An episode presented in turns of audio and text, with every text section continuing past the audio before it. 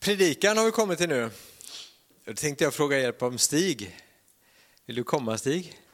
Ja. Kör med gästerna här idag. Jag frågade Stig så här, för att vi har ju, det här är vår enda gudstjänst då hela julen här, men jag tänker du har gjort ett antal julpredikningar som har varit präst under många år. Så vad är liksom kärnan i julbudskapet? Ja, det var roligt att komma hit. Men jag ber dig helige Ande nu att eh, du ger mig de orden som ger liv, som påminner om dig. Och att du ger oss allesammans lyssnande öron, att vi lyssnar på lärjungars sätt. Vi tackar dig, Herre. Kom, helige Ande, kom. Jag har en god vän som heter Martin. Och eh, han är ungefär cirka 500 år gammal. Martin Luther. Han satt en kväll eller natt och kämpade med julpredikan. Han kom ingen vart. Och han hade väl hållit på många gånger, det kan bli så. Jag var själv i eh, något som heter Kaplan bland barntimmargrupperna i eh, Eskilstuna. Vi hade 300 barn i kyrkans barntimmar. På den tiden fick man tala om Gud och sånt där och sjunga om honom på barntimmarna. Det här var ju på 70-talet. Och eh, jag, eftersom det var 300 barn så har det varit ungefär 15 grupper. Jag sa till, påminde Arne Olsson här, vi satt bredvid varandra, hur det är. Jag kunde hålla inspirationen ungefär fem gånger. Men sjätte gången då började det gå på rutin. Och jag hoppades att den helige Ande ändå skulle ta tag i den för barnens skull. Eh, jo, Martin Luther han satt alltså och kämpade med sig. Vad skulle han säga? Inget kom. Och så hör han ett barn, ett av alla sina barn, jollra ur barnsängen.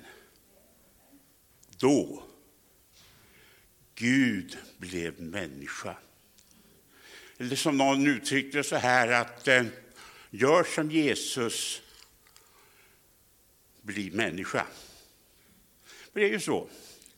Alltså universums skapare, uppehållare, hela kosmos och uppehållare.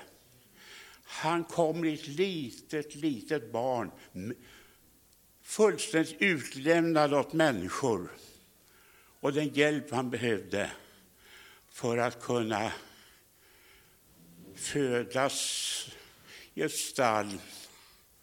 Alltså det här är så oerhört. Och jag, jag kan tala om för dig, alltså jag är lite, 85 fyllda, men eh, det blir större och större egentligen för varje år. Tänk, och att jag behöver honom, Gud, mer och mer egentligen. Var tog det av? Vad tog det iväg med alla ambitioner, alla tankar man hade om församlingen och kyrkan, hur det skulle växa? Och jag for till England ett dussin gånger ungefär och, så där, och var med i, i den karismatiska svängen i, i, den, i den anglikanska, engelska kyrkan. Allt sånt där faller bort. Och det kanske är så. Johannes han säger så här, det är som sig bör att jag förminskas så han tillväxer. Att man behöver Gud mer och mer och mer. Man inser att väldigt mycket som man tänkte och hade planerat hade inte värt någonting egentligen om inte människor föds på nytt. På det folk som vandrar i dödsskuggans dal, land ska ljus skina klart. Vi sjöng om det, om ljuset ska lysa klart. Att han gör någonting med våra hjärtan, tänder ett ljus så att vi helt plötsligt förstår. Det är det det handlar om. Att vi förstår att Jesus är den som kan föra mig in i sitt rike. Det är så oerhört stort, alltså, detta att eh, han föds in i mitt liv, ger mig ljus och han har lovat att leda mig. Och han umgås, denne väldige Gud, förtroligt med sina barn. Och jag får vara ett Guds barn. Tänk att få vara det. Du ska tänka till ibland på det. Jag är ett Guds barn. Det sa som eh, eh Billy Graham, han, jag tror att det var i två presidenter efter, han, eh, efter varann, så gick han ofta till, till eh, jag var helt till Vita huset och samtalade faktiskt med presidenterna. Och då sa en så här, du som eh, är så ofta där, skulle inte du bli president? Vad svarade han? Jo, varför ska jag byta ner mig? Alltså, han var det största man kunde bli. Tänk på det ibland, tänk till ibland vad det innebär. Jag tror att det är viktigt att se vilka vi är i Kristus. Att jag är född på nytt, jag har, jag har del i hans rike. Det är inte enkelt. Och det blir egentligen mer och mer problematiskt för att vi lever i en ganska komplicerad tillvaro, eller hur? Ganska krånglig. Så att eh, vi behöver sannerligen ljus för att kunna färdas framåt. Och den trygghet som det ändå ger. Någon gång kan det väl kännas att eh, kanske mina böner till exempel, de hamnar bara under taket, men jag vet att han hör all bön. Han svarar på det sätt och den tid som han bestämmer. Men han hör alltid bön. Så hjälp oss, heliga Ande, att se vilka vi är i dig, i det stora. Att du, Herre, har fött oss på nytt in i ditt rike. Att du har lovat att leda oss och föra oss vidare in i det riket till vi en dag, ganska snart tror jag, ska få möta dig en andra gång på himmelen. Skyar. Tack Herre. Amen. Tack Stig. Att, att Gud blev människa. Att vi får ta emot honom. Har du tagit emot Jesus i ditt hjärta? Det är en viktig fråga. Vi ställs inför, inför faktum så att, säga, att, att Gud har gjort saker för oss. Vi har en del muslimska vänner och vi, vi pratar ibland tro. Och, och, på något sätt upplever man att, att att det, det, är bara Jesus som har kommit, det är bara våran Gud som har kommit till människorna. Eh, utifrån en muslimsk tro så är det mycket att jag måste göra saker och prestera saker för Gud för att duga till. Men tänk att Gud har gjort det för oss. Vi kan egentligen bara ta emot det. En väldigt stor skillnad. Ibland så lever du och jag lite som, som muslimer, det var ju tokigt sagt, men vi lever lite lagiska. Vi tänker att jag måste bli bättre eller jag måste göra det här först liksom, för att Gud ska älska mig eller för att Gud ska ta emot mig. Men, men Gud har redan gjort det för oss. Vi kan bara öppna oss. Vi behöver egentligen inte, vi behöver egentligen inte bli bättre för att ta emot Jesus.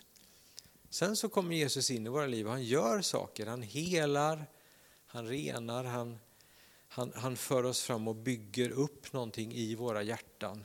Att vi kan tjäna honom. Och det är så, så viktigt.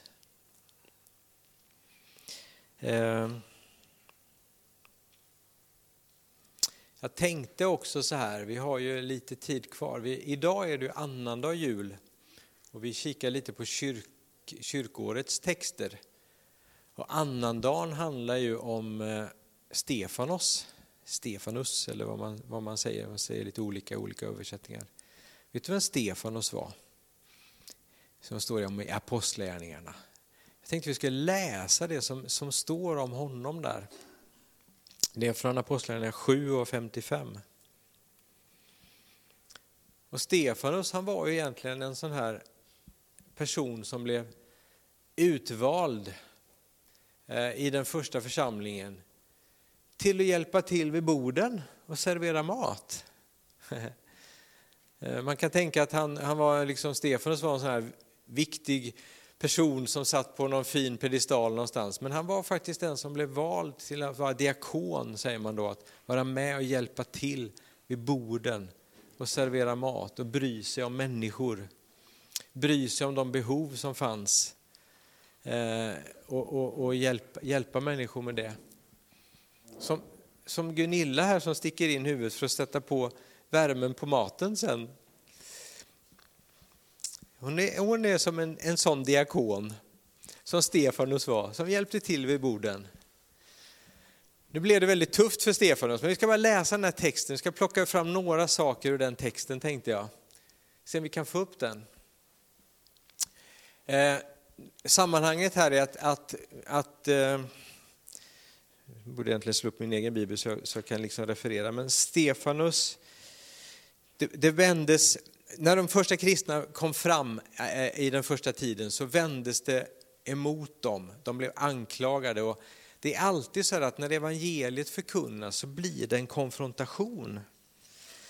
Vi tror ibland att vi kan bara göra snälla saker och att människor ska tycka om oss, men när vi tar det här ljuset på allvar så blir det också en konfrontation. Och det får man vara beredda på. Jag ska ta fram eh, texten här. Så att, så att Stefanus han, han blir anklagad av översteprästerna, alltså de som tyckte de hade kollen på religionen. De som tyckte de var de som kunde det här med religion och så. Eh, de anklagade Stefanus för de såg att det var någonting i hans liv. Hans ljus lyste fram så starkt så han blev anklagad. Och eh, Eh, de ville så att säga eh, stena honom, de ville döda honom för att han stod upp för sin tro. Och det är det man pratar om den här dagen i kyrkoåret. Vi pratar om de som faktiskt har tagit steg utifrån sin tro och stått upp för det och på det sättet också få förföljelse. Jag vet inte om du någon gång har fått höra liksom att ja, men du är kristen, liksom, vad är det? Liksom? Och någon som är elak mot dig för att du har tagit din tro på allvar. Och då är vi egentligen i gott sällskap med många andra som har fått så att säga, stå där och, och, och försvara sin tro och, och på något sätt eh, råkat ut för människors anklagelser. Vi ska läsa den här, det är en hemsk berättelse men den, den är också väldigt stark. Eh, men fylld av den helige ande lyfte han, Stefanos alltså, sin blick mot himlen och fick se Guds härlighet och Jesus som stod vid Guds högra sida. Och han sa, se jag ser himlen öppen och människosonen står på Guds högra sida. Då skrek de högt och höll för öronen och stormade fram mot honom, alla på en gång. Och de släppte ut honom ur staden och stenade honom. Och vittnena la sina mantlar vid fötterna på en ung man som hette Saulus. Vi kan stanna där så länge. Alltså, eh, de var så arga på honom så de ville döda honom genom att kasta sten på honom körde ut honom ur stan. Men om du tänker så här, vad var det Stefanus såg? Såg han de som kastade sten? Eller vad var det han såg? Han såg himlen öppen. Han såg liksom längre än omständigheterna.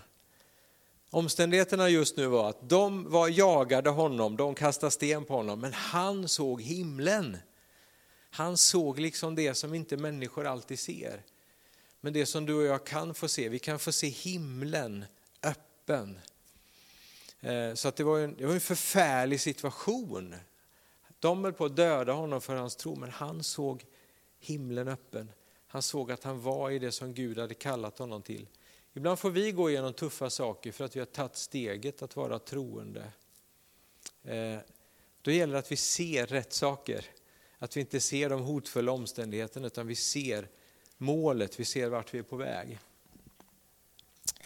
Och sen det här då att de, la, de som var där och vittnade mot honom, de la sina mantlar vid fötterna på en ung man som heter Saulus, som sen heter Paulus. Det stod en kille där som var också ivrig att döda. Och då han liksom samlade upp deras kläder så de kunde så liksom lägga av sig mantlar så de kunde kasta sten på honom. Och han tyckte detta var bra, men vi vet vad som hände med han sen. Bara se lite historia här, vad hände med, vad hände med Saulus? Jo, han kom till tro på Jesus, han fick möta Jesus en dag.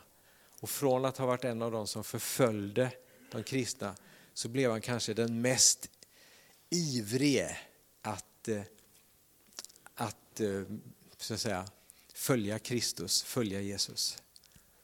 Vi läser vidare.